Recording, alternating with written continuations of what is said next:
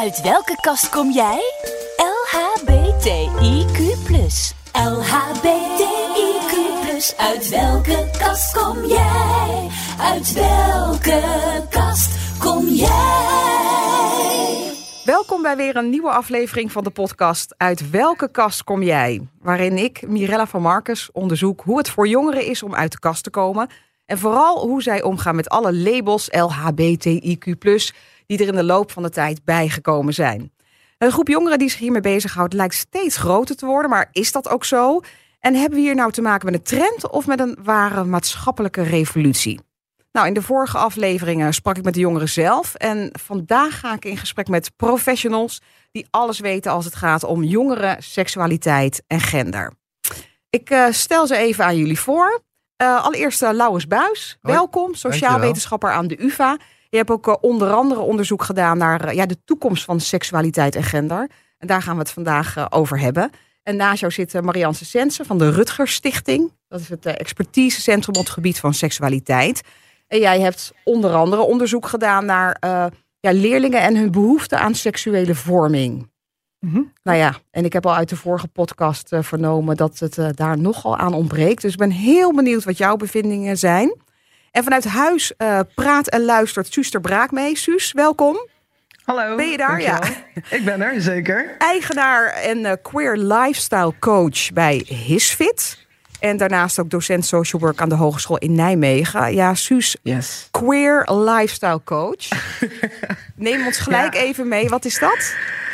Uh, nou ja, het, het, zit in de naam omdat ik aan de voorkant uh, graag kenbaar wil maken dat ik uh, mij in mijn coaching in eerste instantie richt op mensen die zich identificeren of connected voelen tot de queer community. Um, en dat is belangrijk omdat veel lifestyle coaching in de basis gaat over afvallen, gezonde voeding, um, stereotyperingen passen op, op de linie van het binaire. En ik ga juist met mijn cliënten het pad op van hoe kan je je plek innemen in een binaire wereld als queer of non-binair uh, persoon en alle facetten daaromheen. En binair, dan denk je echt in hè, de tweedeling man-vrouw? Ja, ook de tweedeling man-vrouw, homo-hetero, maar ook uh, uh, slank, niet beperkt, wit, uh, lang blond haar, noem maar op. Eigenlijk alle schoonheidsidealen, stereotyperingen zoals wij zeggen, dit is hoe een mens er dan zeg maar goed uitziet. Dan weten we gelukkig al langer dat die stereotyperingen en dat de schoonheidsidealen aan het veranderen zijn. Maar helaas zijn heel veel sportscholen, heel veel merken nog steeds gekoppeld aan dit soort beelden. En dat kan mensen soms wel eens in niet hele prettige situaties plaatsen als jij erachter komt dat jij niet aan dat plaatje voldoet. En je noemt het dan queer, dat zie je dat ook als een soort overkoepelende term? Ja, zeker. Omdat um, ik kan niet voor iemand bepalen uh, hoe die zich identificeert of uh, hoe die zich daar uh, prettig bij voelt. Dus het is niet, um, ik heb een tak wat specifiek richt op transgender zorg, trans-identificerende mensen. Dat is vrij uh, duidelijk. En queer is inderdaad meer de paraplu-term uh, over niet-binair, niet-stereotyp. Uh, willen of kunnen aansluiten in die benamingen. Dus dan mogen we eigenlijk alles onderscharen, queer. Ja, eigenlijk wel. Wat jij, wat jij daar voor jezelf in ondervindt, ja. Uit welke kast kom jij? Hoe leven we onszelf? Hè? Het fijne hokjes denken. Dus ik wil graag even een voorstelrondje doen. Um, hoe label je jezelf qua geaardheid, gender, pronouns? Ik begin bij jou, Laurens. Um, ja, interessante vraag. Um, ik ben daarin nog best wel old school. Dus ik identificeer me als man. ik identificeer me ook als homo. Dus dat zijn best wel ouderwetse, alweer binaire hokjes. Ja, ouderwets. Maar ik heb, wel, ik, ben, ik heb ook wel heel veel met vrouwelijkheid. Ik vind mezelf echt een vrouwelijke man. En dat heb ik ook altijd wel zo gevoeld. Dus al heel jong voelde ik van ja, ik ben wel een jongen. Ik ben ook comfortabel met het zijn van een jongen. Um, maar ik ben wel anders dan de meeste jongens. En ik heb, ben op een gegeven moment wel steeds meer gaan merken van dat dat ook wel ik gewoon een hele sterke vrouwelijke kant heb. En ik merk ook van uh, hoe meer ik die wegstop, hoe ongelukkig ik word. Dus de periodes in mijn leven dat het het minst goed met mij ging, waren de periodes dat, het, dat ik mijn vrouwelijke kant het meest uh, verloren had. En um, nou ja, dus zo'n beetje. Dus daar ben ik wel veel mee bezig, met mijn vrouwelijkheid. Maar wat is dat dan, die vrouwelijkheid bij jou? ja, dat is moeilijk te zeggen. Maar dat is, eh, dat is eigenlijk ook een gevoel. Maar dat heeft heel veel te maken met, voor mijn gevoel, met de band met mezelf. Met heel intiem luisteren naar hele subtiele intuïties en emoties die ik heb. En um, met ook een beetje voor mij uit het hoofd zijn. Ik kom uit een heel hoofdig gezin en uit een hele hoofdig, ik heb een heel hoofdig beroep op de universiteit. En voor mij is mijn vrouwelijkheid ook um, een binnenwereld. Die, die wat gevoeliger is, zachter is, heel veel zachte waarden. Maar ik heb ook wel gemerkt, mijn vrouwelijkheid kan ook wel een soort van hebben. Ik kan ook wel een klauw hebben. Mm -hmm. Dus ik kan ook wel, ik heb ook wel geleerd om bijvoorbeeld um, echt heel duidelijk grenzen te stellen. Naar mensen die een beetje over mij heen walsen. Daar heb ik ook wel lange geschiedenis mee. En dat voelt voor mij ook als mijn vrouwelijke kant. Dus ook heel sterk mijn grenzen bewaken. Ja, dus zo voelt het voor mij. Ik weet ook niet waarom ik dat dan vrouwelijk noem, maar dit is een beetje Weet je de stereotyperingen, Marianne? Hoe wij vrouwelijk en mannelijk zien? Toch? Dat weet ik niet zo goed. Ik wil voor mij, ik heb niet zoveel met vrouwelijkheid. Dus dat is meteen ook een, een soort antwoord op jouw vraag. Wat, uh, hoe, hoe label jij jezelf dan? Ik label mezelf wel als vrouw. Maar als ik uh, nu jong was geweest, was het queer geworden, denk ik. Oh ja? Ja, maar dat was toen ik opgroeide, bestond die term nog niet in Nederland. En ik, ik heb eigenlijk altijd me moeten verzoenen met, ja, maar ik ben nu eenmaal een vrouw. Zou ik omdat je zo geboren bent? Ja, omdat je zo geboren bent en omdat. Um, het ongemak niet zo in het fysieke zat, zou ik maar zeggen, maar veel meer in mijn sociale positie. En in um, dat je als meisje verantwoordelijk bent voor de grenzen aangeven. En dat er van alles op je schouders gestapeld wordt. Dus mijn feministische hart, zou ik maar zeggen, die kwam ook in opstand tegen vrouwelijkheid, mannelijkheid, binair denken. En alle lading die dat heeft. En de gebrek aan ruimte dat het geeft, zowel aan vrouwen als aan mannen. Want mannen hebben natuurlijk ook last van de hokjes. Um, dus, dus in die zin denk ik dat iedereen er heel veel mee te winnen heeft als we die hokjes los gaan laten. Veel meer. Je zegt al heel veel in één zin. Mm -hmm. um, maar je zegt dus als ik nu opnieuw zou, mezelf zou kunnen labelen. Stel dat je nu wat jonger was geweest. Opnieuw voor die vraag, zeker in je puberteit, je ontwikkeld uh, staat. Zou ik dus eerder voor de term queer hebben gekozen. Mm -hmm. uh, want wat, waar staat dat voor jou voor? Het staat voor mij voor uh, eigenlijk de openheid ten opzichte van, van alles wat je zelf bent. En, wat, en alles wat je um, wie je tegenkomt, zeg maar. Ja, dus in die zin is het een hele open houding. Maar dat is heel breed gezegd. Kan je dat iets concreter ja. maken? nou ja, weet je, door te zeggen, ik ben een vrouw, weet je dat diegene om je heen al heel snel allerlei betekenis daaraan toekennen. Dus dat je dan geacht wordt zorgzaam te zijn, um, geacht wordt um, uh, zachte kanten te hebben, mm, minder ambitieus te zijn, noem het maar op. Hè. Dus je krijgt meteen allerlei culturele labels op je geplakt. En die verinnerlijk je natuurlijk ook. Je raakt ook gesocialiseerd tot vrouw, zoals Simone de Beauvoir natuurlijk ook, hè, haar beroemde uitspraak. Je bent niet als vrouw geboren, maar je wordt tot vrouw gemaakt. Dat is natuurlijk wat er gebeurt. Um, en je wordt ook met een vrouwelijk het... geslacht geboren. Dus het is ja. ook een biologisch iets. Ja, maar dat is, dat is, je, dat is je seksen, dat is niet je gender. Zou maar zeggen. Dat is puur het lichamelijke stuk. Trekken deze twee dingen duidelijk uit elkaar? Ja, absoluut. Ja. ja. En ik ben daarnaast de B+, dus ik identificeer me als uh, biseksueel.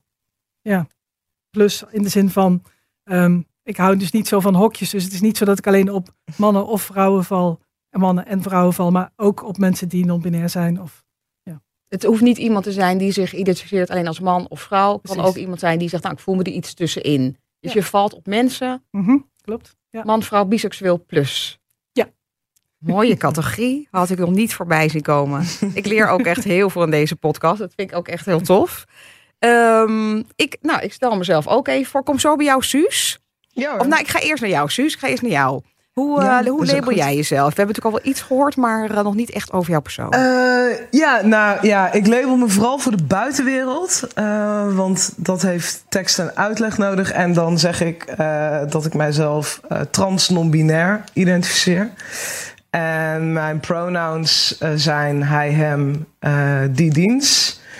En ja, in aantrekkingskracht, seksualiteit ja, kan en wil ik me eigenlijk niet identificeren. Ik val voor zover ik weet op vrouwen tot nu toe. Maar of mij dat in mijn genderidentificatie of door mijn genderidentificatie dan hetero of lesbisch of panseksueel maakt, mhm. dat weet ik niet. En dat interesseert me eigenlijk ook niet zoveel. Ik val gewoon op iemand die ik aantrekkelijk vind en lief. En even panseksueel kan eigenlijk. Ja, dat is eigenlijk, eigenlijk wat, zijn, wat, wat Marianne net uh, omschreef in, uh, in de term B. Uh, geven mensen daar tegenwoordig ook de term panseksueel aan. Als in niet identificeren op welk, welk gender heeft iemand. Echt op de persoon. Echt op de persoon. Dat is eigenlijk een hele mooie eigenschap. En je zegt dus ja. trans non-binair, dus eigenlijk een soort combinatie. Ja, waar, waar komt die keuze vandaan? Uh, nou, dat ik uh, in transitie ben gegaan en weer doorstart heb gemaakt op dit moment, vrij recent. van, ik ben ja, um, geboren als mens, ontwikkeld als vrouw en erachter gekomen dat ik mij masculiner voel dan dat mijn vrouwelijke gender toelaat. Dus ben ik in transitie gegaan. Maar ik voel mezelf heel erg ergens op die linie zitten of eromheen. Uh, ik ben meer masculin dan feminiem. Maar ik ben ook niet helemaal man. En uh, daar zit het non-binaire stuk voor mij. En, maar je zegt wel, ik wil wel aangesproken graag worden als hij hem. Dus dat ja, wel. Dat, dat, ja, dat resoneert voor mij beter met, uh, met hoe ik, Als iemand zij haar tegen mij zegt, dan heb ik niet het idee dat mensen het tegen mij hebben. Um, en hij hem resoneert veel beter met hoe ik, uh, hoe ik naar mezelf kijk, blijkbaar. Dit is ook op basis van ervaren. Ja. En volgens mij is het ook, ja, net bij het voorste bij, uh, bij Laurens en bij Marianne. Ja, wat is vrouwelijkheid, wat is mannelijkheid? Ja, zeg het maar. Ik vind het een concept. En uh, er bestaan vrouwen en er bestaan mannen. En er bestaan vrouwelijke vrouwen en er bestaan mannelijke mannen. En er zijn blauwe jongetjes en roze meisjes en, en door elkaar. En dat, dat is allemaal. En dat moet er ook zijn en dat mag er ook zijn. Maar er bestaat ook heel veel omheen en tussendoor... wat nu steeds meer op de voorgrond treedt, wat we veel meer gaan zien. En ik denk niet dat dat vreemd, nieuw of anders is, maar dat dat eindelijk een, uh, een gezicht krijgt. Ja. En uh, een, een vrouwelijke vrouw die met hij aangesproken wil worden, ja, waarom niet? Ja, dat zeg je inderdaad, uh, waarom niet? Maar in de omgangsvorm kan het inderdaad best complex zijn. Ja. Omdat wij hadden een voorgesprekje en ik vroeg ja. aan jou van ja, hoe wil je aangesproken worden? Ja. En nou, dat kan ik nu best makkelijk vragen, omdat wij kennen elkaar ook uit het verleden. Dus, toen jij bij het COC werkte, zijn we elkaar natuurlijk wel eens tegengekomen. Dan heb je al een soort van, nou ja, is er al een bepaalde openheid. Maar stel, ik kom jou voor het eerst tegen. Zou ik het mhm. wel moeilijk vinden om dat te vragen, omdat je iemand ook niet. Je schat dus iemand blijkbaar toch op uiterlijk in. En dan denk je, oh, mhm. misschien iets tussenin, ik weet het niet. Maar kan ik dit wel mhm. vragen? Wat is diegene daar eigenlijk wel mee bezig? Snap je wat ik bedoel? Ja. Het kan best wel moeilijke situaties uh, zorgen. Ja, dat is een, dat is een ingewikkelde afweging. Um, maar ik ben ervan overtuigd. En tot nu toe is in mijn leven nog niet anders gebleken. En ook de mensen die ik daar in coaching advies over geef. Of, of mensen die ik op een andere manier daarover spreek.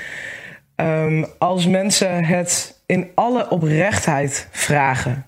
Ja. Dus gewoon eh, normaal ingetogen van... hey, ik heb een vraag, want ik weet het niet zo goed. En als jij dan die vraag stelt, ik kan me niet bedenken dat iemand er dan pissig, boos, vervelend op reageert. En hoe kun je dus dat nou het beste aan iemand vragen? Ik denk gewoon op een oprechte, respectvolle manier. Als jij het oprecht wil weten. Um, weet je, mensen vinden het ook soms ingewikkeld om te praten over iemands geloof. Of over iemands culturele, etnische achtergrond. Waar kom je vandaan? Vragen mensen dan heel. Ja, um, ik kom uit de achterhoek. Ja, maar je hebt krullen. Ja, dan denk ik al, oké, wacht even. Jij wil iets van mij weten, maar je weet gewoon niet de juiste manier om dat, dat te vragen.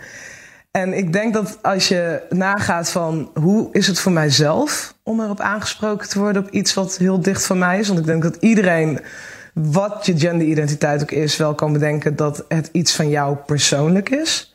Dus als jij je kan bedenken van hoe zou ik het prettig vinden als mensen dit aan mij vragen, dat je daarvan uit moet gaan. Ja. Dus op een respectvolle, normale, relaxte manier ook kunnen accepteren uh, dat mensen zeggen: ik wil geen antwoord geven op die vraag, want het is iets van hen. Ja. Dan kan je denk ik altijd vragen, maar je kan je ook afvragen: wil je het altijd? Is het altijd aan jou om het te moeten weten? Nou ja, het maakt het in de communicatie natuurlijk wel een stuk makkelijker. Ja, maar je kan mensen ook de tijd geven om zichzelf kenbaar te maken. Ja. Ik bedoel, als je elkaar net kent, dan uh, geef mensen wat ruimte, geef mensen wat tijd. Wat, wat wil je weten? Ja, precies. Ja. Nou, ik zal, uh, zal ik dan het uh, voorstelrondje even afmaken met, met mezelf. Ja. Ik mezelf moet labelen. Zou ik mezelf labelen als lesbisch. Dus als vrouw die op vrouwen valt. En sinds ik de podcast maak, weet ik ook dat ik een cisvrouw ben. Daar had ik daarvoor ook nog nooit over nagedacht. En uh, ben ik wel gaan nadenken inderdaad over mijn vrouwelijkheid. Mm. En uh, dat inderdaad misschien wel een beetje vergelijkbaar met jou, Marianne. Dat het niet echt een issue is geweest. Dat ik er geen probleem mee heb of, uh, aan, hoe zeg, aan heb ondervonden. Maar dat ik wel altijd heb gedacht. Ik vond het nooit leuk om borsten te krijgen. Ik heb er ook niet zoveel mee ik had het laatst met collega's erover op een schaal van 0 tot 10. Wat geef je vrouwelijkheid? Dat ik, nou ja, ik denk ongeveer een 7. Nou, dat vonden ze allemaal super schokkend. Mm. Omdat ze toch toch, nee, maar, nee, maar je ziet er gewoon super vrouwelijk uit. Dus ik zou, zou zeggen een 9. Maar alsof het een soort waardeoordeel is. Maar zo voel ik dat dus niet. Ik bedoel, het is niet dat ik dan een minder zelfbeeld heb omdat ik mezelf een 7 geef. Nee, dat is wel ongeveer, denk ik, wat het is. Uh, ja, een beetje mannelijke kanten, een beetje vrouwelijke kanten, zoiets. Ja. Mm -hmm. Maar goed, cisvrouw, dus ik voel me wel comfortabel met mijn geslacht. Dus tot zover uh, het labelsjournaal. Uit welke kast kom jij? Ja, maar Laurens, hoe, um, hoe belangrijk zijn die labels eigenlijk? Want is het zo dat er in de loop der tijd steeds meer letters zijn bijgekomen? Ja, je zou wel kunnen zeggen dat het eigenlijk een soort revolutie is geweest. Ik zou, we hebben natuurlijk de seksuele revolutie gehad in de jaren 60, 70 dat we heel kennis hebben genomen. Hè. in de slipstream van de tweede feministische golf kwam ook de lesbische beweging, de homobeweging. En toen opeens was er naast hetero, kwam er ook homo, lesbisch en later bi. En op een gegeven moment zou je zeggen, vanaf de jaren 80, 90 kwam er steeds meer aandacht voor trans. En kwam dus de T erbij. En toen gingen we zo praten over LHTB. En toen was eigenlijk een beetje het hek van de dam. Want kijk, trans gooit natuurlijk de boel ook al best wel in de war. Dus transitie van man naar vrouw of vrouw naar man. Ja, en dan blijkt dus eigenlijk, en dan ga je dus echt ook het onderscheid maken tussen seksen en gender. En vanaf dat moment zien we eigenlijk dat zeker nu de jonge generatie. Even, wat is het verschil tussen seks en gender? seks is het biologische geslacht en gender is meer je identiteit. Dus hoe voel je je sociaal gezien of psychologisch gezien, mannelijk of vrouwelijk? Ja, komt je gevoel overeen met het geslacht wat je hebt? Ja, of exact. Niet? Ja, en dan heb je inderdaad transgender, cisgender, maar meteen opent dat ook een hele hoop daartussenin. Hè? Dus we hebben ook in de gesprekken die wij nu hebben van, nou, ik voel me eigenlijk ook wel mannelijk, maar ook wel vrouwelijk of een mix daarvan. Nou, jongeren zien we eigenlijk vooral, liberale jongeren weten we het onderzoek, zijn hier heel veel mee bezig. Dus in de jonge generatie is het echt een issue. En die hebben echt dus die genderidentiteit en hun seksuele voorkeur en vaak ook hun seksen verklaard als, dit is een, een, een ontdekkingstocht. Ik ga het niet meteen nu vastleggen. En als ze hebben allemaal soort stepping stones gemaakt in die, in die ontdekkingstocht. Dus stenen waar ze mee kunnen bouwen. En dus daarom hebben we nu panseksualiteit, non-binair. En een hele hoop eh, andere soort van manieren van identificatie. Genderfluide, queer, genderqueer. Dus er zijn er heel veel. Oké, daar gaan we nog ehm, even op inzoomen. Want jij schudt natuurlijk uit je mouw alsof, het, hè, uh, alsof je een uh, brood gaat halen bij de bakker.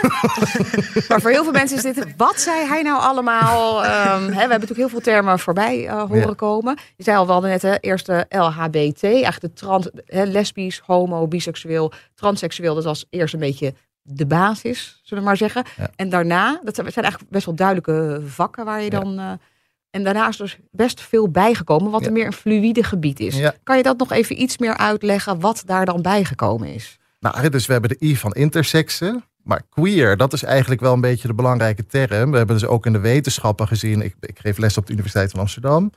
En op een gegeven moment is daar queer studies opgekomen. En, het, en echt ook als aanvulling op vrouwenstudies. En dus op een gegeven moment is queer en gender studies. En op een gegeven moment echt queer studies bijgekomen. Wat dus echt heel erg gaat over de fluiditeit en dus eigenlijk het inherente ongrijpbare van seksualiteit en gender. En dus ik zeg altijd van seksualiteit en gender die stromen. En dat zijn, dat zijn energieën die stromen. Zit en... jij daar op de wc, Suus? Wat ja. hoor ik daar op de achtergrond? Nee, ik schenk een glas water in. Maar oh, dat is toch goed om heel even Volgens mij is dit heel luid. Dus ik stopte ermee. Nee. maar nu heb ik wel een beetje water. Het wordt een soort hoorspel. Ik, maar het paste wel bij fluïde. Fluïde, Bij Ja. de term fluïde. Dus Het stroomt ook. Je hebt het stroomt. mooi onderstreept. Dus je zei, het wordt meer fluïde. Ja, en dat, die, fluiditeit er wordt een beetje gevangen met het woord queer. Hè, dus het ongrijpbare van en eigenlijk het Ja, dus je nutteloosheid om het niet te meteen uit, categoriseren. ik ben dit of ik ben dat. Ja. Het, eh, het een hoeft ook niet het ander uit te sluiten. Nee, exact. Ja, en dus op intersex was ook al een hele stap. Hè? Dus eigenlijk mensen die worden geboren met dus eh, een, lichaam, een biologisch lichaam, wat zowel mannelijke als vrouwelijke kenmerken heeft. En wat wij tot nu toe heel erg toen hebben ze toen moesten de ouders beslissen als het kindje net geboren was. Nou, zeg maar, wil je er een jongen of een meisje van maken? En dan werd er via operaties werd er ingegrepen. Nou, nu ge- gelukkig ook onder andere de acties van Amnesty wordt er echt gezegd: nee, dit willen we niet. Dus er moet veel meer, die, ook de, in het lichaam zien we ook diversiteit. Al is dat maar een kleine minderheid, maar toch is daar ook diversiteit te zien die we moeten eren, daar waar we niet hoeven ingrijpen. Dus die I is er toen bijgekomen, de Q is erbij gekomen. Die Q die gaat dus veel over de fluiditeit, de Q van queer gaat veel over de fluiditeit van alles. Nou, en toen kwam daarna hè, de panseksuele en non-binair en Dus panseksueel dat je echt meer op de persoon... eh, Ja, gaat echt voorbij man en vrouw, waar je opvalt. Ik val niet op een man of een vrouw, maar op allebei. Of het maakt me niet uit. Hè. mhm. En non-binair? Non-binair inderdaad. Dus mensen die, mannen, die zich niet als man of vrouw willen identificeren en daartussen voelen. En Raven van Dorst is natuurlijk daar een heel bekend voorbeeld van.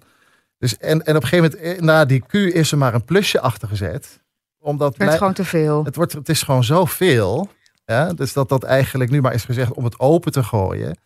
En dus die stap van LHBT, dat was eigenlijk toen ik, eh, ik heb het een beetje zien, toen ik uit de kast kwam, had je homo, lesbisch, bi.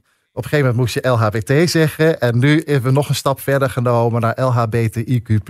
Stopt het daarmee, denk je? Nou, ik, ik denk dat het nu wel, eh, dat met die plus wel een goede oplossing is. En dat we, ja, dat het, ik, maar ik denk dat het niet stopt wat we daarachter gaan ontdekken bij die plus. Wie bepaalt het eigenlijk, Marian? Dat het hierbij stopt en welke letter erbij komt en dat er ineens een plus kwam? Nou, dat, dat- het verandert continu. En dat eh, gaat eh, ook in internationale ehm, gesprekken, zou ik maar zeggen. hè, eh, merk je van, oh ja, er is weer een nieuwe gekomen. SOGI op een gegeven moment. Seksuele oriëntatie en genderidentiteit. Dat werd toen een term.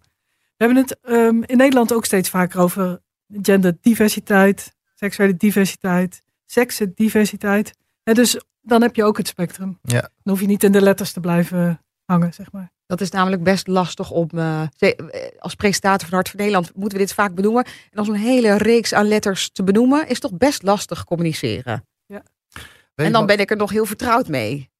Maar dus je zou dus kunnen ontvangen door te hebben over genderdiversiteit, seksuele diversiteit. Ja.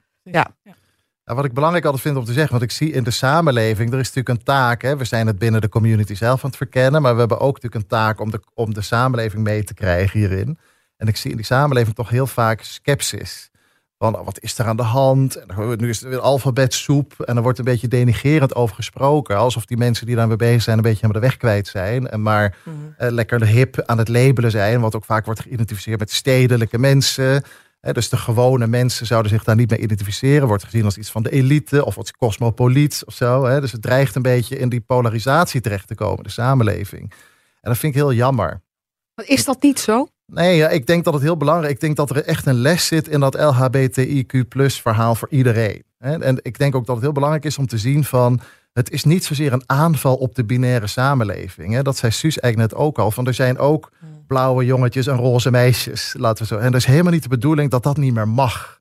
Ja, maar het is ook heel belangrijk om te zien dat ook die mensen... Hè, dus de hele vrouwelijke vrouwen en de mannelijke eh, mannen... die hebben ook...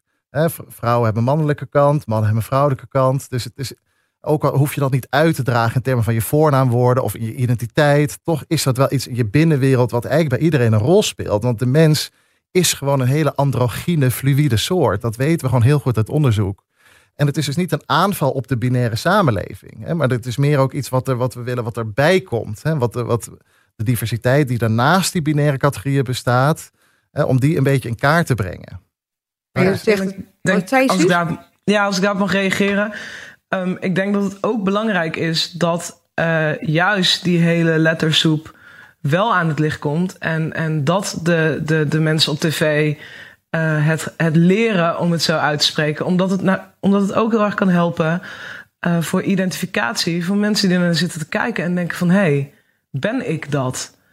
Ehm, er zijn tegenwoordig steeds meer voorbeelden van LHBTIQ plus mensen in de media ehm, of op openbare plekken, op uh, functies waarvan je denkt: hé, hey, wacht even, is dit mijn leraar? Um, deze mensen die hier werken zijn uh, non-binair, trans, homo. Toen ik jong was, had ik die rolmodellen niet. Wist ik niet waar ik deze mensen kon vinden. Wist ik niet wat het woord homo of lesbisch was. Je komt uit de Achterhoek, hè, Suus? Ik kom uit de Achterhoek, ja. Ja, dus ik denk ook dat die letters ook een functie hebben uh, voor herkenbaarheid. Net zoals dat roze meisjes weten, ik mag met een Barbiepop spelen, want ik ben een meisje. Denk ik dat het heel belangrijk is dat, dat jongeren ook leren, ik heb deze gevoelens, wat betekenen deze gevoelens?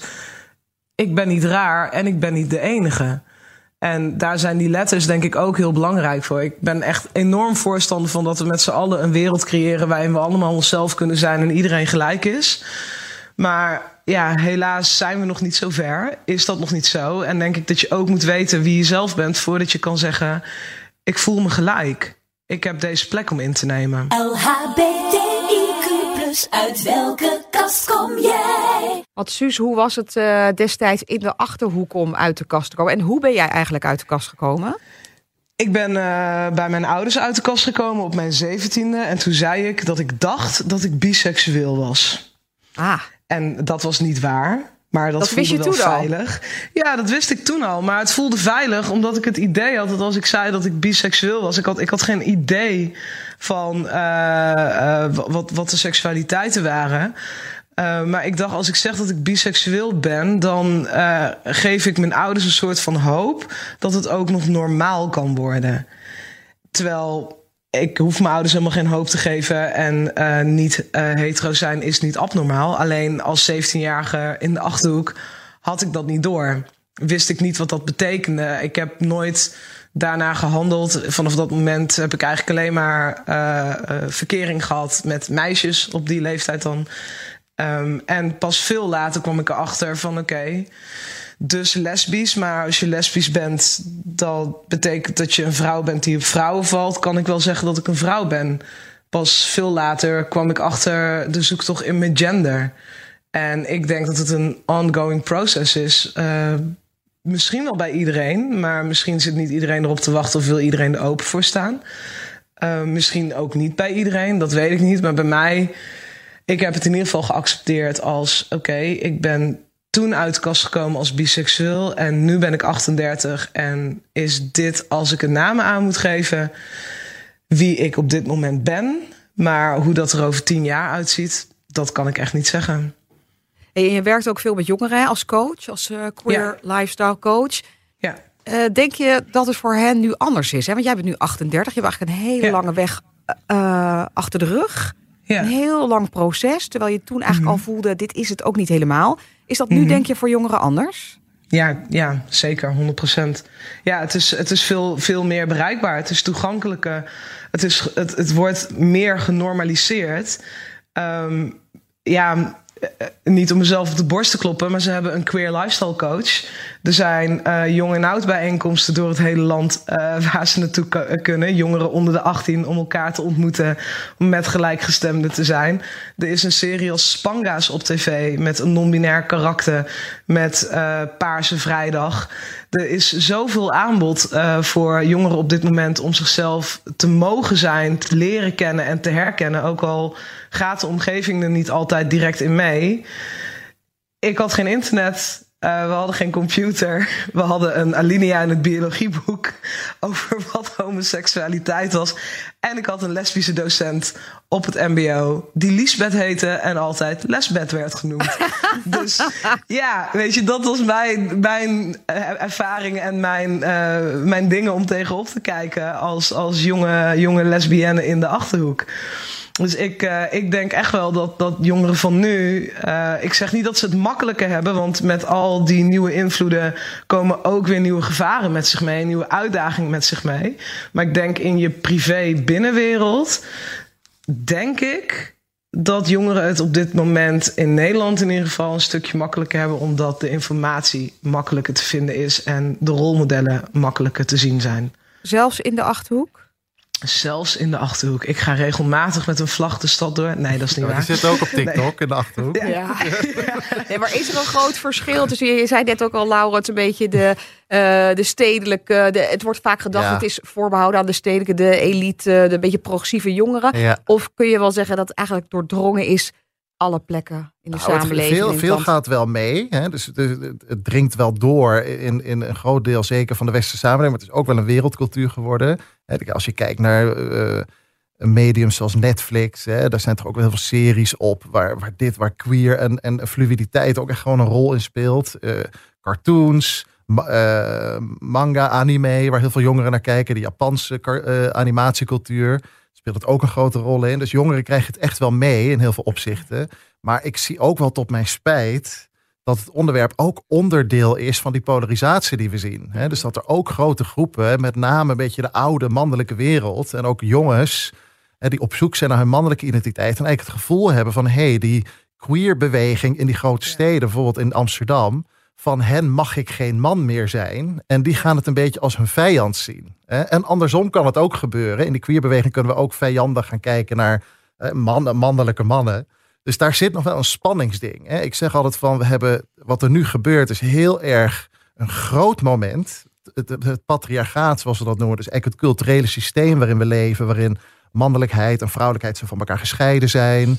En mannelijkheid hoog staat dan vrouwelijkheid. Dat systeem, dat culturele systeem is 12.000 jaar oud. Daar weten we steeds meer van. Dat is eigenlijk begonnen met de landbouwrevolutie. En daar zijn we nu eigenlijk een beetje na 12.000 jaar zijn we daar doorheen aan het breken. En zijn we daar langzaam aan uit aan het breken. En Trouwens gaat het ook best wel snel. Hè? En de vraag is een beetje, wat nemen we nou mee van die oude wereld? Ja, dus eh, gaan we het helemaal opblazen? Of nemen we ook elementen nog mee? Daar is nog wat strijd over. Hè? Dus je ziet dat die mensen die vasthouden aan die oude wereld... eh, ook een beetje kijken van, ja, wat moet ik nou met queer? En dat mensen die heel die nieuwe wereld uitdragen... die kijken, ja, wat moeten we nou met die ouderwetse hè, binaire eh, mannelijkheid en vrouwelijkheid? Dus daar zit nog een spanningsding. Maar die weerstand hoort natuurlijk bij die vooruitgang. Dat hoort erbij. Als je een eh, Ja. revolutie hebt, hoort daar natuurlijk die weerstand Hoort bij. absoluut erbij. Maar Ja. denk je dan echt dat dit echt de verandering teweeg gaat brengen? Dat we echt op dat moment zijn? Ik denk echt dat we op dat moment zijn. Hè? Dus eh, dat, ik denk dat het, het, het voorwerk is gedaan. Laten we niet vergeten dat we op de schouders staan van de activisten die in de jaren 60, 70, 80 hè, zo ontzettend heldhaftig waren om echt de homobeweging, de queer movement, de, vrouwenbeweging, de lesbische beweging, de transbeweging. Dus echt toen begonnen. En die straat op zijn gegaan. eh, die Stonewall, maar ook de Europese equivalenten daarvan. En oh, dat heeft ruimte gecreëerd. Toen zijn die hokjes ernaast gekomen. En nu pakken de jongeren eigenlijk door. En die zeggen, nou, fijn dat dat er allemaal is. Maar ik ga nog even niet kiezen. En ik ga er nog dingen tussen zetten. Hè, dus dat is echt weer een verdere eh, soort van bom onder dat fundament van het patriarchaat. Die heel simpel alles in tweeën wil delen. En die mannelijkheid iedere keer er- erboven wil plaatsen. Ja, die jongeren die zijn daar echt afstand van aan het nemen. Ja. Ja. Ik vind het een heel bijzonder moment. Ik vind het echt eh, Mhm. heel tof om dit mee te maken. Hoor jij dat ook terug bij de jongeren, Marianne? Want jij spreekt ook heel veel jongeren voor je Mhm. onderzoek ook. Ja, ik, ehm, ik, ik aarzel een beetje, moet ik je zeggen. Ik, ik zou heel graag meegaan, Laurens, hierin. Ik zou heel graag zeggen, ja, kom, revolutie, weet We je. hebben de vlag hier al bijna opgehangen. Ja. De champagne Maar- al geopend. Ik vind, ehm, want ik denk, wij willen dus ook echt verandering. En het is logisch dat, dat mensen zich bedreigd voelen. Want ehm, ja, dat, dat betekent dus ook iets eh, voor mannen die eh, nog vast willen houden aan hey, ehm, een, een soort old boys culture. Hè, van bepaalde grappen moeten kunnen. Ja, eh, zo doen we dat nou eenmaal. Eh, dat, dat willen we dus niet meer. Nee, dat Dus is de afgelopen tijd wel duidelijk geweest. Dat is de afgelopen tijd duidelijk is. Maar zoals wij ook na de tweede feministische golf misschien dachten, nou, oké, tjaka, we zijn er. Zie je dat die, die seksuele dubbele moraal bijvoorbeeld is gewoon opnieuw ontzettend sterk aanwezig in de samenleving.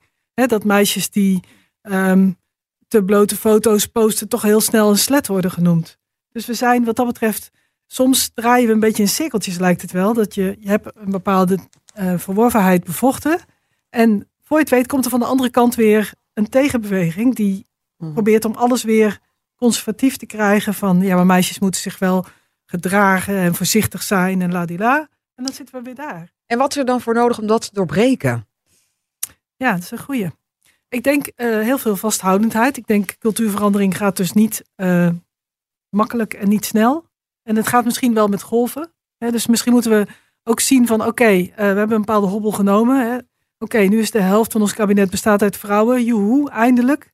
Maar er wordt nog steeds anders naar vrouwelijke ministers gekeken, weet je. Ja, ik hou het, dit is natuurlijk emancipatie van vrouwen waar ik het nu over heb. Maar even, die emancipatiebewegingen hebben natuurlijk ehm, ja, soms parallellen. Um, ik denk, uh, je ziet die parallellen ook uh, bij deze, zeg maar, de, de ja. genderrevolutie. Ja, want we willen in feite natuurlijk um, die hokjes doorbreken. Je wil dat er veel meer ruimte en vrijheid is voor iedereen. Maar dat betekent dus ook dat bepaalde mensen die, hè, zoals Laurens ook zegt, die, die de bovenste positie hebben, die gaan dat merken. En ja. die, die zijn daar niet altijd blij mee. Dus ja, je wil de verworvenheden ook van een bepaalde groep, die moeten wat minder worden. Ik ben het ook heel eens met Marianne van de, de hardnekkigheid van het oude systeem. Dus ik wil ook, ik ben heel hoopvol en optimistisch. Ook omdat ik denk, we hebben geen alternatief. We moeten uh, hoopvol zijn. Maar ik zie ook de hardnekkigheid. En ik denk dat dat het feminisme zo ontzettend heeft laten zien. Van ondanks de enorme verworvenheden, die de, de vooruitgang die er is geboekt. Hè, dat we nog steeds in heel veel opzichten vooroordelen hebben naar vrouwen. Dat de praktijk zo weer barstig is als het gaat om salarissen, om gelijke kansen, om veiligheid. Hè. Kijk nu ook weer naar het schandaal rond The Voice. Toch ook weer best wel klassiek langs genderlijnen. Dus we zijn er nog lang niet. Ik zeg altijd van, we hebben de revolutie gehad voor de straat. Dat was ook heel en de zichtbaarheid, de seksuele revolutie van de jaren 60, 70. En dat is nu ook verder aan het gaan met die LHBTIQ. En nu gaat het ook over het onderbewuste. Ik zei net van we komen allemaal uit dat culturele systeem van het patriarchaat. 12.000 jaar oud. Het helemaal in alle hoekjes en kiertjes van onze cultuur zit het. Dus ook al zijn we nu even in een andere bubbel terechtgekomen we slepen dat verleden nog steeds met ons mee. Dus het is denk ik heel belangrijk om bewust te worden hoe we in ons onderbewuste nog steeds ehm, eigenlijk al die oude vooroordelen met ons meenemen. dus ik zeg we hadden de revolutie van de straat en nu moeten we de revolutie van het onderbewuste hebben om echt onszelf te disciplineren en bewust te worden van hé, hey, er zijn nog steeds die, die ouderwetse uitsluitingsmechanismes en daar gaan we nu echt afscheid van nemen. Maar dat is een, een nieuwe uitdaging ook. Ja.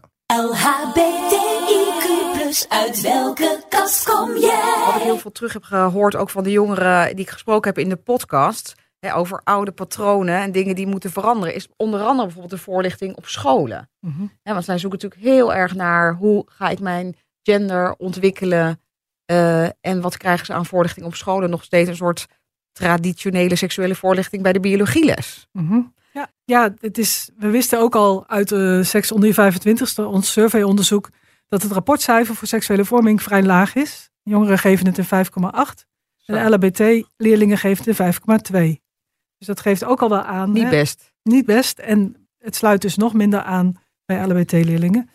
Um, dus dat wisten we van tevoren, maar we wilden met dit onderzoek kijken van oké, en waarop gaat het nou mis? Wat moet er anders? Nou, dan blijkt uh, het gaat mis op de hoeveelheid seksuele vorming. Ze krijgen bijna geen seksuele vorming. En wat er is, is inderdaad biologieles, en dan gaat het heel vaak vanuit voortplanting, veilig vrije, heel erg een hetero-model. En ja, dat, dat is natuurlijk logisch als je vanuit biologie denkt dat je het over voortplanting gaat hebben.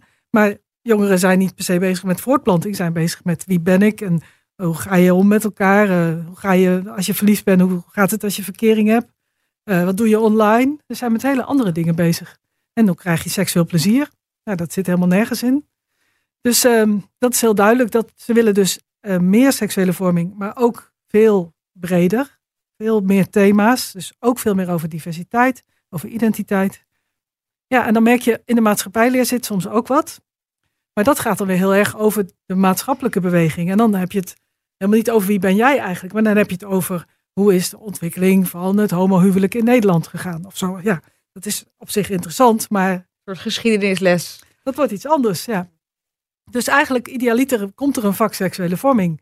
Waarop jongeren gewoon die hele, dat hele pakket kunnen krijgen. En wat zou daar dan vooral in moeten zitten?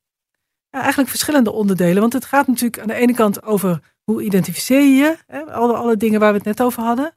Maar het gaat ook gewoon over kennis van lichaam en diversiteiten in lichamen.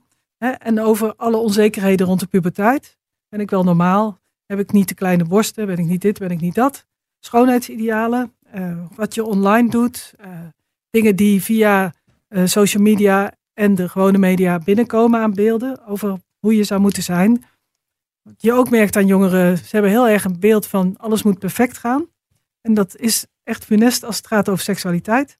Want het gaat nooit perfect, kan je wel zeggen. Hè, stuntelen hoort erbij. En het zou zo mooi zijn als we jongeren ook dat kunnen laten zien. Van je mag ook gewoon leren. Je mag ook fouten maken. Het is niet erg als je een blauwtje loopt. Het is niet erg als je uh, niet voldoet aan, hè, waar Suus het ook over had, die enorme beelden die we hebben over een, wat is een mooi lichaam. Ja, dat is ook heel dwingend. LHBTIQ+, uit welke kast kom jij? Hey, wat denken jullie, even vragen jullie alle drie, uh, wat er voor nodig is om, hè, wat Laura zegt, we staan aan het begin van een revolutie, dus echt wat gaande, om deze revolutie ook werkelijk te laten slagen. En om straks te zorgen dat, uh, ja, iedereen die onder de queer vlag uh, valt ook ja, tot de norm gaat behoren. En dat het meer een vanzelfsprekendheid gaat zijn. Um, ja, ja, ik vind dus, uh, kijk, we hebben het net gehad over de jongeren. Volgens mij is het dus een belangrijk generatieaspect aan de, aan de transitie of de revolutie waar we, waar we in zitten. En we hebben het net gehad over hoe fijn het is dat de jongeren allerlei stepping stones hebben en zoveel kunnen kiezen. Tegelijkertijd moeten we denk ik ook beseffen hoe zwaar het voor hen is. Zij zitten de weg te bereiden hè, uit die oude wereld waar dingen gebeuren, zoals in The Voice. En zij moeten nu niet alleen hun genderidentiteit en de fluiditeit die daar is, diep verstopt in de mens. Anders moeten ze herontdekken en woorden geven. Maar ook seksualiteit opnieuw ontdekken. En intimiteit en contact en consent daarin. Wat is mijn grens? Wat, wanneer wil ik wel? Wat wil ik niet? Dus de jongeren die zijn een hoop werk aan het verzetten. En ik denk dus echt dat het belangrijk is van laten we nou eens een goed, echt goed naast de jongeren staan, zodat we deze generatie goed kunnen steunen in de strijd die zij leveren. En ik zou zeggen, volgens mij is daar een goed landelijk programma voor nodig. Dus ik zou zeggen vanuit het ministerie van Onderwijs, ik denk in de, scholen, en, maar ook de sportclubs kunnen een hele grote rol hierin spelen. Boter bij de vis. Dus dat betekent ook goed financieren, professionals daar voor de klaslokaal zetten die, dit, die, die jongeren goed kunnen ondersteunen. Niet het zoveelste over de, over de schutting van het onderwijs kiepen. Want er ligt heel veel belasting. Maar ook echt zorgen dat er de ruimte en de middelen is om het goed uit te voeren. En wat volgens mij ook echt nodig is, wat ik zo ontzettend mis in Nederland, is een goed onderzoeksprogramma. Dus al dat geld wat er wordt besteed aan emancipatiezaken, er moet goed gemonitord worden wat dat oplevert. Welke interventies werken wel, welke niet. Hoe gaat het met jongeren? Wat halen bepaalde inderdaad, dus ingrepen die we doen, wat halen die uit?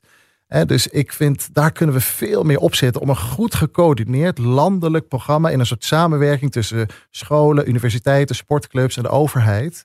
Om, om dit nou eens echt rigoureus en goed te doen. Maar wat moet daar dan concreet in zitten in zo'n programma om deze jongeren te kunnen helpen en dit proces voor hem wat nou, lichter te kunnen maken? Ik denk dus dat de jongeren die nu dus dat spectrum aan het verkennen zijn hè, en daarin eigenlijk een minderheidspositie innemen, van die, die zeggen van nou, ik uh, ga hier tussenin zitten in die hokjes. Of die proberen om seksualiteit op andere in te vullen.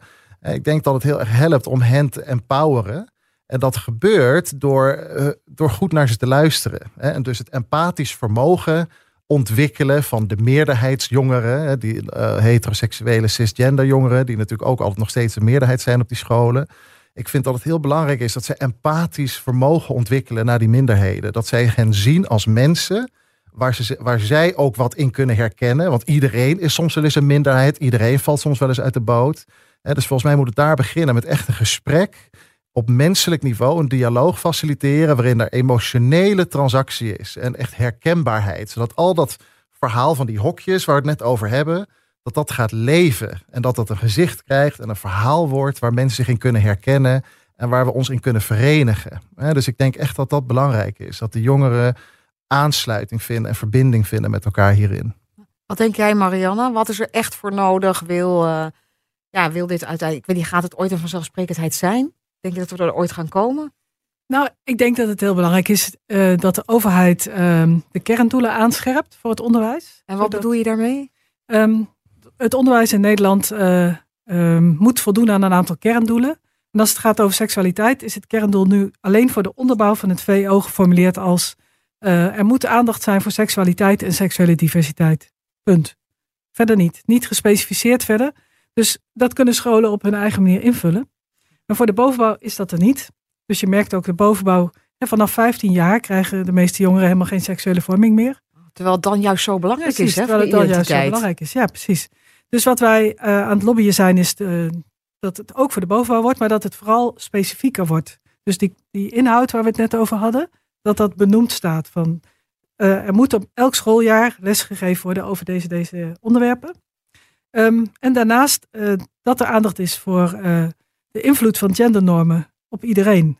Dus niet alleen als je niet in de genderhokjes past, maar ook als je cisgender bent, heb je last van gendernormen. Want gendernormen zijn um, sturend voor wie je mag zijn. Um, dus ik denk dat dat iets is waar alle jongeren baat bij hebben als ze zich realiseren en reflecteren op, oh ja, dit is hoe er op mij wordt gereageerd omdat ik een meisje ben of omdat ik een jongen ben. En wat vind ik daar dan van? Wil ik dit wel? Hoe wil ik dit anders? En ja, hoe ga je daarmee om? En dat je ook naar elkaar anders gaat kijken. Dus in die zin sluit ik me aan bij Laurens, want ik vind het ook heel belangrijk dat jongeren uh, anders naar elkaar gaan kijken en minder oordelen. Maar dat kan pas als ze, denk ik, die, uh, ja, die reflectie hebben van, oh, zo werkt dat dus. Mhm. Iedereen heeft in deze samenleving te maken met gendernormen die er zijn. En jullie zien daarin dus vooral een grote rol voor scholen, voor onderwijs en ook sportclubs uh, weggelegd. En ja, ouders? ook voor ouders, ja precies. Ik dacht, ja, die zijn er ook. Ja. Ik denk dat ouders een inhaalslag te, te maken hebben. Niet alle ouders, maar veel ouders. Uh, en niet alleen op het vlak van social media, dat ook, maar ook op het vlak van alle diversiteit die er is. Want de meeste ouders zijn natuurlijk opgegroeid in een andere tijd. En uh, de, de, die denken, wat is het queer? Weet je? Mhm. Ja, dan denk ik, verdiep je erin. Maar oké, nu groeien mijn dochters op bij twee moeders. Dus dat is al een queer family. Dus die krijgen dus al heel veel van ons mee. Maar wat zou jij mijn collega's die in een hetero gezin hè, uh, moeder zijn. Wat, zou je die ouders meegeven? Hoe, hoe communiceer je dat dan met je kinderen, zodat ze daar wat opener en comfortabeler bij zijn, die ruimte gaan voelen? Ja, het gesprek aangaan met je kind. Maar hè, het is handig als je jezelf wel ook goed informeert. Dat je ook gewoon zelf op zoek gaat naar informatie. En daarnaast, um, als er uh, spangas gekeken wordt of iets anders, is dat een mooie gelegenheid om het eens over te hebben. En hoef je niet direct te vragen aan je kind: Goh, hoe identificeer jij je eigenlijk? Maar je kan ook vragen: Goh, wat vind je daarvan? Kom je dat wel eens tegen? Hoor je dat wel eens op school? Uh, hebben jullie eigenlijk een GSA op school? Bijvoorbeeld bij mijn zoon op school is er een GSA. En dat, uh, hij weet natuurlijk dat ik dat heel interessant vind. Dus dan vraag ik af en toe: En hoor je wel eens wat van de GSA? Gender Sexuality Alliance, hè, waarbij ze dus allemaal activiteiten rondom uh, deze thema's organiseren. Ja, ja, precies. En dat is dus heel leuk om zo te horen van, nou ja, wat gebeurt er dan op school mee? En wat doet dat? En hoe kom je het tegen? Wat vind je ervan? Gewoon een gesprek erover hebben. Ja. Zodat kinderen ook het gevoel hebben van, oh ja, ik kan hierover praten met mijn ouders. Want dat is natuurlijk wat je graag wil. Dat er een open gesprek is. En tegelijkertijd, ja, een stukje van hun identiteitsontdekkingstocht zullen ze zonder hun ouders doen. Dat weet je ook. Dat is nou eenmaal hoe het hoort in de puberteit. Dat je ook een stukje denkt, hé, hey, hallo, dit doe ik eerst even liever zelf voordat jij er bovenop springt. maar ja als, je die, ja, als je de ruimte thuis voelt, ben je echt al heel end in ieder geval. Zeker. Ja, ik vind ook wel het ouderstuk belangrijk. Ik spreek regelmatig ouders, ook, ook mensen die mij gewoon echt mailen en bellen uit bezorgdheid. Van die hebben dan mij een keer horen praten of die weten van mijn onderzoek. En die vragen, ik komen dan met verhalen over een kind. En wat ik vaak merk in die verhalen is dat hè, dus ouders vaak zich zorgen maken als een kind 8, 9, 10, 11 wordt. Soms zitten ze al in klassen waar ook andere kinderen non-binair zijn of genderfluide of queer. En dan horen ze dat van elkaar en die gaan die kinderen zelf ook. Hè? Dus ouders worden geconfronteerd met een kind dat opeens zegt: Ik wil andere voornaam worden. Ik wil niet meer aangesproken worden als een jongen of ik, wil, ik ben panseksueel. En zo wil ik ook erkend worden. En ouders die bellen mij vaak op met zorgen. Van kunnen ze dat nu wel al weten? Moeten we ze hier nou in steunen? Of moeten we ze juist een beetje hè, zorgen dat ze zichzelf hier niet in verliezen? En dat is mijn oproep wel echt aan ouders. Van, eh, om je kind echt te durven loslaten hierin. En onvoorwaardelijk die steun uit te spreken voor die reis die dat kind aflegt.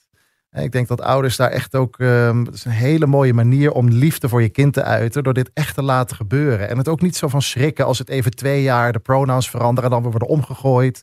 Dat is allemaal gewoon heel. Laat dat gebeuren, zou ik aan die ouders zeggen. Ja, precies. Het komt goed met die kinderen als je ze vrij laat en deze tocht zelf laat doen en vooral laat zien dat je van ze houdt. Ja. Ik ben het helemaal met je eens. Heb jij nog een, tot slot een conclusie, Suus? Waar, uh, wat, nou, een aanbeveling? Een aanbeveling. Nou, ik sluit me ten eerste helemaal aan bij wat Laurens uh, en Marianne uh, zeiden. De oproep naar de overheid en naar de scholen. Maar ik denk dat ook een heel belangrijk geluid is dat deze overheden, dus de daadwerkelijke overheid, de scholen en ook de ouders, ook gaan luisteren naar het verhaal van de jongeren. Wat willen ze weten? Waar hebben ze vragen over? wat is hun belevingswereld? Inderdaad, verdiep je maar eens in de nieuwe termen, verdiep je maar eens in het nieuwe aanbod, in de nieuwe taal. Zodat zij ook daadwerkelijk het aanbod krijgen waar ze naar zoeken. En dat je het op school niet gaat hebben over homoseksualiteit, maar het hele alfabet. En dat iedereen daarin voorkomt en dat iedereen zich daarin kan herkennen. Ik denk dat dat een hele belangrijke toevoeging is in hoe willen we uh, dat kinderen, jongeren, mensen hierover worden voorgelicht. LHBTIQ+. LHBTIQ+. Uit welke kast kom jij? Hoeveel jaar geef je het nog dat we toch echt een, nou ja, genderfluïde samenleving hebben waarin dat ook echt, nou, een vanzelfsprekendheid is? Zal het ooit de norm worden? Of zou je kunnen zeggen, nou ja, ja man, vrouw zullen altijd in de meerderheid blijven. Dus dat zal nooit de werkelijkheid worden. Nou, gelukkig weten we dat de meerderheid en de norm twee verschillende dingen zijn. Dus het is echt niet zo dat de meerderheid de norm hoeft te bepalen. Dus het feit dat heteroseksualiteit de meerderheid is en zal blijven, betekent niet dat er een hetero-norm moet zijn. Waarbij we vanuit gaan dat iedereen ook hetero is en zich hetero gedraagt. Volgens bepaalde culturele opvattingen. Dus daar zit een hoop speling in als ik zie, ik krijg deze vaak wel vaker. Ik heb natuurlijk geen glazen bol, dus ik weet het niet. Maar ik kan wel kijken hoe het wat, en wat voor stroomversnelling zit de culturele ontwikkeling en de sociale ontwikkeling op het gebied van gender en seksualiteit. Dan vind ik het zo de afgelopen decennia wel heel hard gaan. Zeker vanaf de jaren zestig. Ik vind dat echt een enorme stroomversnelling. Uh, er zitten, uh, hoe zeg je dat? bumps on the road. Dus het zal niet in één keer goed gaan. Dus we komen ook wat onverwachte tegenwind te staan. En dat oude systeem gaat ook nog vasthouden. Maar als ik zie hoe snel het gaat, dan denk ik twee, drie generaties. dat we echt een totaal andere wereld hebben op het gebied van gender en seksualiteit. Twee, drie generaties. Nou, dat klinkt wel fantastisch. En Marianne? Ja, zijn we dan ook meteen van Trump en Poetin en zo Daar zijn we dan ook vanaf, ja. Daar zijn we dan ook vanaf. maar ook van Rutte. Ja. ja. Nou jongens, het klinkt toch allemaal als een hele hoopvolle ontwikkeling. Dus eigenlijk concluderend kunnen we wel stellen dat het inderdaad zo is dat er gewoon een echte generatie jongeren is die hier echt uh, serieus actief mee bezig is. Echt op een andere manier dan dat, dat wij hadden in onze puberteit dat we absoluut niet spreken van een trend, maar dat we spreken van een ware maatschappelijke revolutie. Die hopelijk. Mhm. Ja, ik hoop met je mee hoor. Absoluut. Marian hoopt met me mee, maar dat we echt wel een verandering uh, te pakken hebben. Zeker. En uh, dat dit uh, hopelijk over een paar decennia. Nou ja, dat deze jongeren niet meer zo hoeven te strijden als ze nu exact. toch nog steeds wel exact. moeten doen. Exact. Ik dank jullie ontzettend voor jullie input. Echt Super fijn, dankjewel Marianne en uh, Laurens. En uh, Suus was al eerder uh, weg, maar die sprak mee vanuit huis. Uit welke kast kom jij? LHBTIQ+. LHBTIQ+. Uit welke kast kom jij? Uit welke kast kom jij? Uit welke kast kom jij is een podcast van Hart van Nederland. Productie, montage en mijn steun en toeverlaat Kim Kabbedijk. De heerlijke muziek is gezongen door mijn collega Marleen Saupala en geproduceerd door Danny Saupala. Hoofdredactie Mark Veningen en mijn naam is Mirella van Marcus. Wil je nog iets kwijt over dit onderwerp of heb je een verhaal dat je graag wilt delen in onze podcast? Je kunt me bereiken via Instagram, DM mij, Mirella van Marcus.